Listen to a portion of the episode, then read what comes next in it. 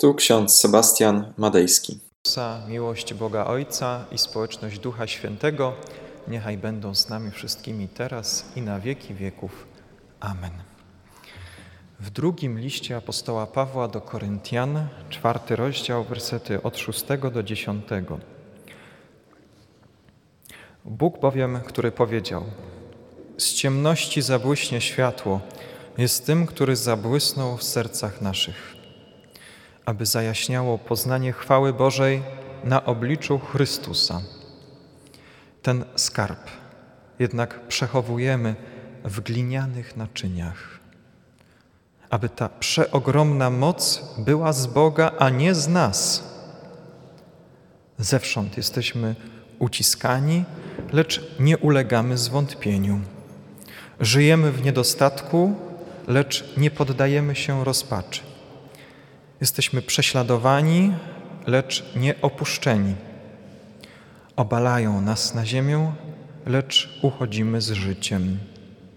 Nieustannie nosimy w ciele umieranie Jezusa, aby i życie Jezusa objawiło się w naszym ciele. Wszechmogący, miłosierny Boże, dziękujemy Ci za ten ogromny dar, jaki nam dajesz, za Słowo Boże, które nas wzmacnia i jest źródłem przeogromnej mocy. Spraw łaskawie, abyśmy odkrywali Twoje Słowo w naszym życiu, a także w tym tekście, który nam dajesz, aby do nas przemawiał i aby zmieniał nasze życie. Wysłuchaj nas, Panie. Amen.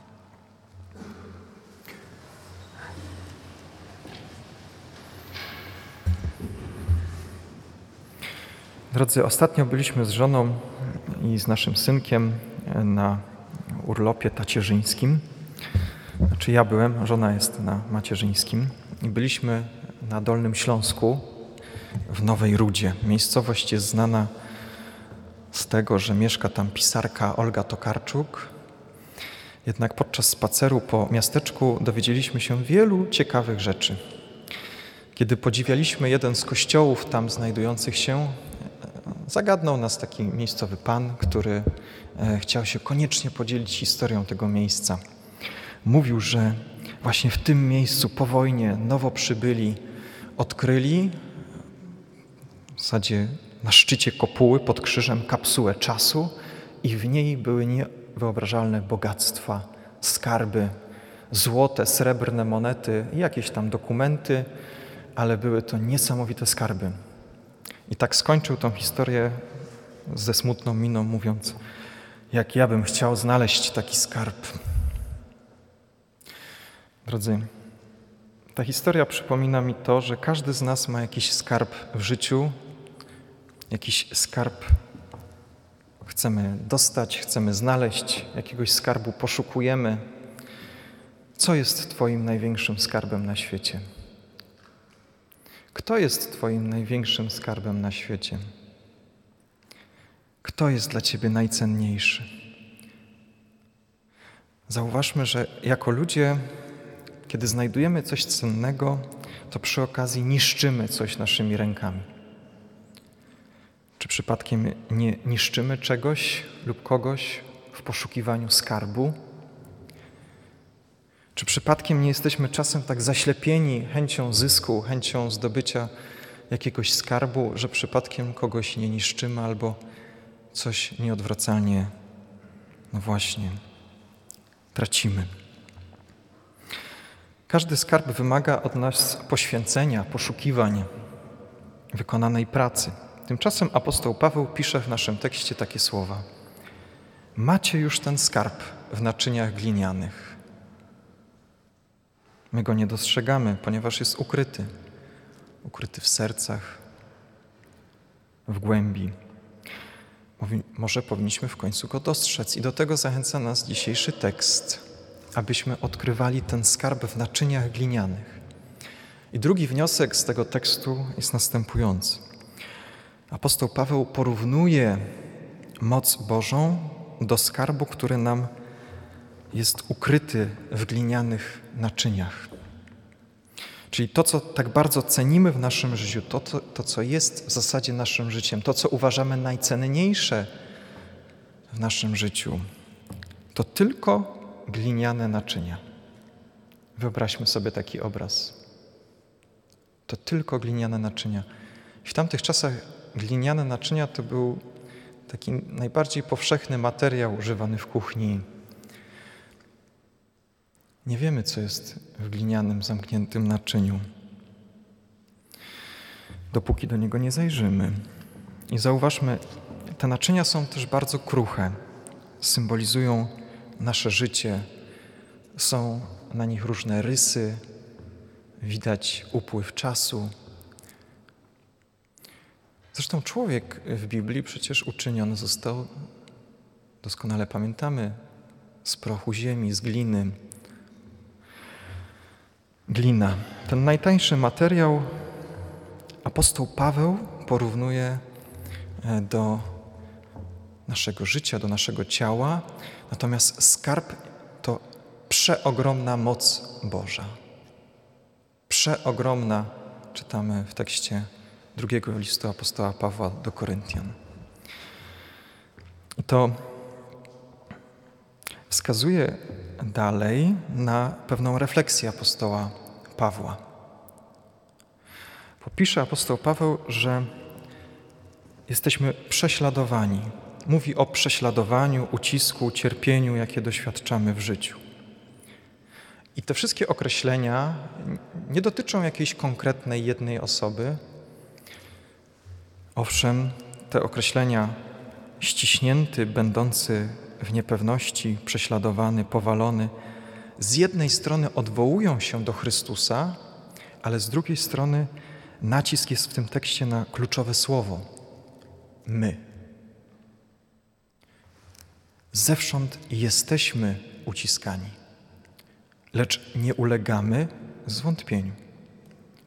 Żyjemy w niedostatku, lecz nie poddajemy się rozpaczy. Jesteśmy prześladowani, lecz nie opuszczeni. Obalają nas na ziemię, lecz uchodzimy z życiem.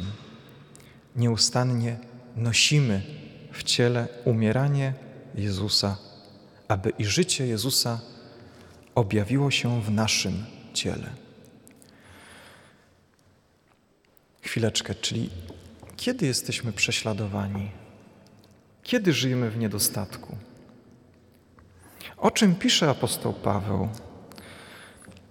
Czasach, o których mówi list do Koryntian, drugi list do Koryntian, były to czasy, podczas których były bardzo krwawe prześladowania chrześcijan.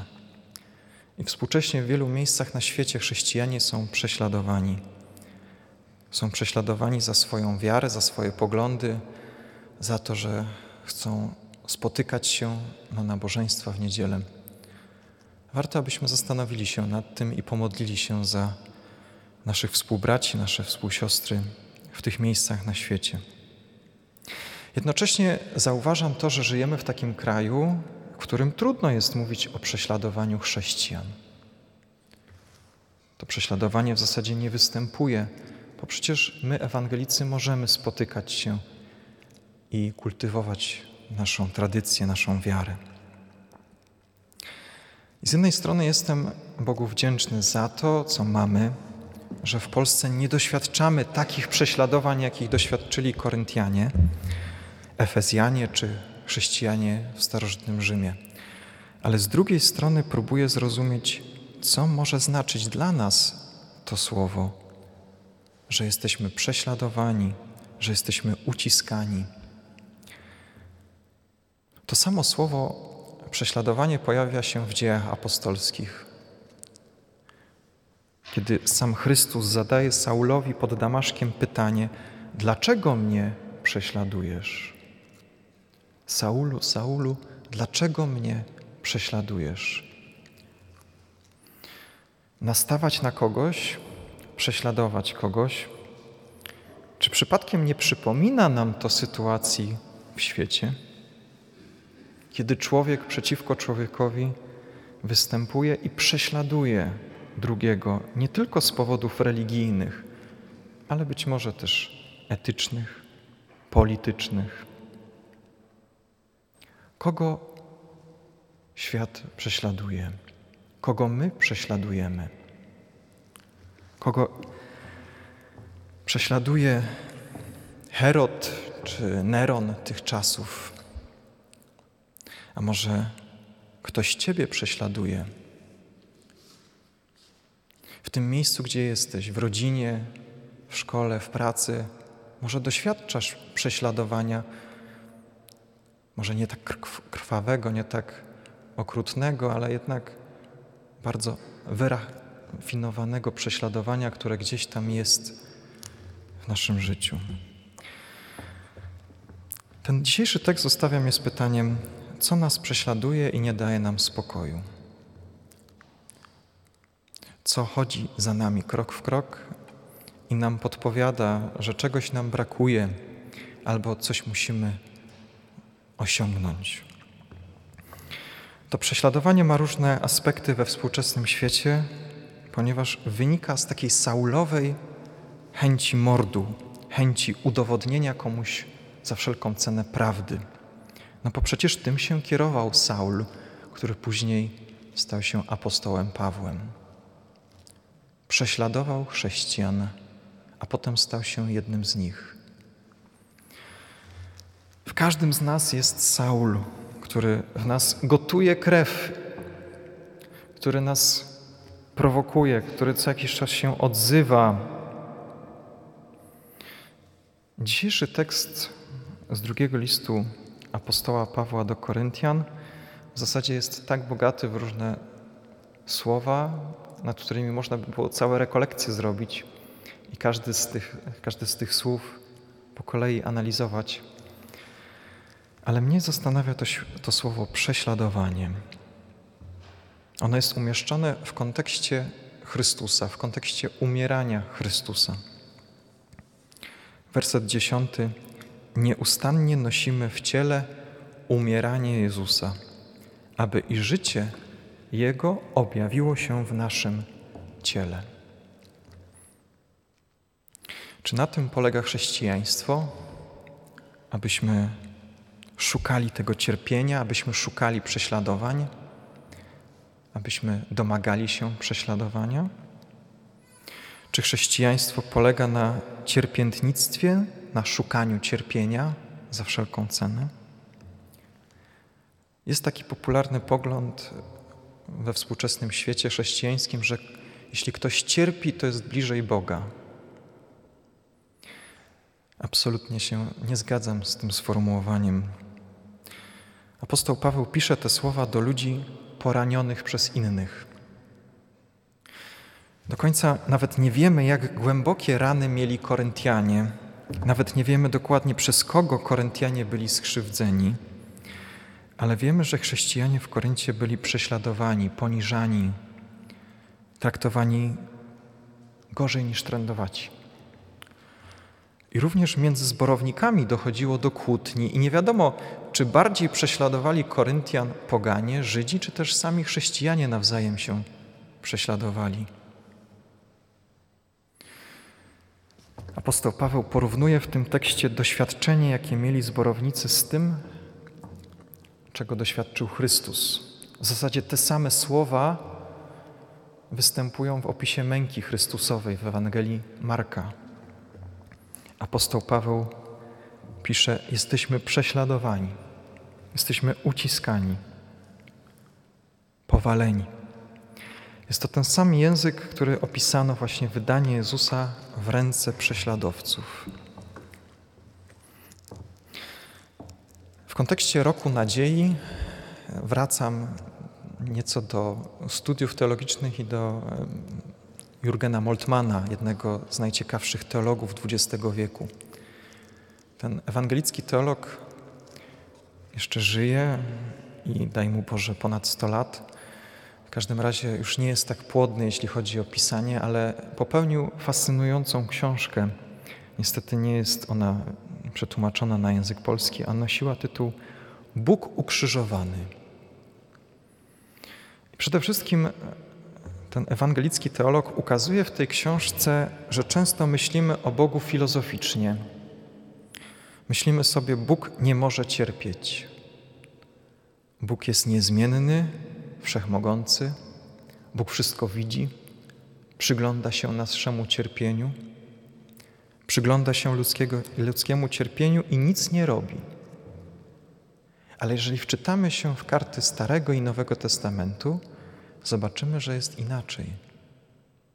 Dzisiaj to zrozumiałem, kiedy Przemysław czytał tekst z drugiej księgi Mojżeszowej, bo tam jest napisane, Bóg mówi: Zszedłem, zszedłem do mojego ludu. Owszem, widział Bóg cierpienie, ale co robi? Interweniuje, schodzi do swojego ludu. Nie patrzy się beznamiętnie, ale interweniuje, utożsamia się ze swoim ludem.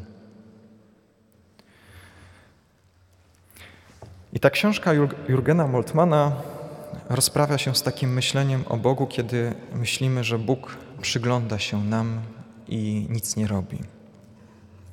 My, chrześcijanie, wierzymy w innego Boga, Boga, który jest czuły, który się utożsamia z człowiekiem, który schodzi do nas, który objawia się nam.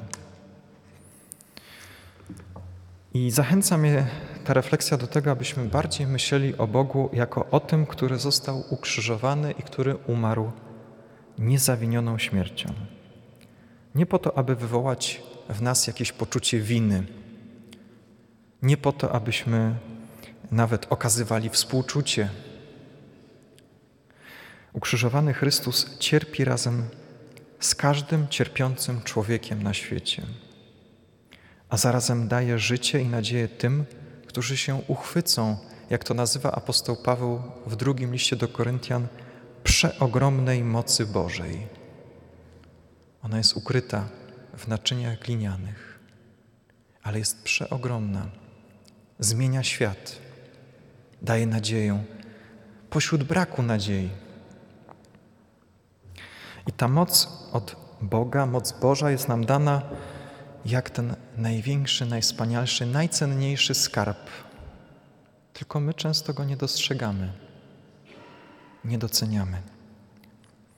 Dlatego, jeżeli brakuje Ci w życiu siły, jeżeli czujesz wrogość, jeżeli czujesz się prześladowany, prześladowana z jakichś powodów, jeżeli chorujesz, jeżeli co chwilę w swoim życiu upadasz, to przypomnij sobie ten fragment z drugiego listu do Koryntian, czwarty rozdział. Jeżeli doświadczasz prześladowania, zła, rozpaczy lub chwili zwątpienia, bo też o zwątpieniu tu jest mowa, jeżeli często nie masz siły stać, bo pojawiają się co chwilę jakieś nowe problemy, to chcę Ci dzisiaj powiedzieć, przypomnieć, masz w sercu przeogromny skarb, wspaniały skarb, Bożą miłość i światłość Ewangelii. To wszystko jest o wiele wspanialsze niż naczynia gliniane. Amen. Miejmy życzenie pokoju. A pokój Boży, który przewyższa wszelki rozum, tak niechaj strzeże serc naszych i myśli naszych w Panu naszym Jezusie Chrystusie ku żywotowi wiecznemu. Amen.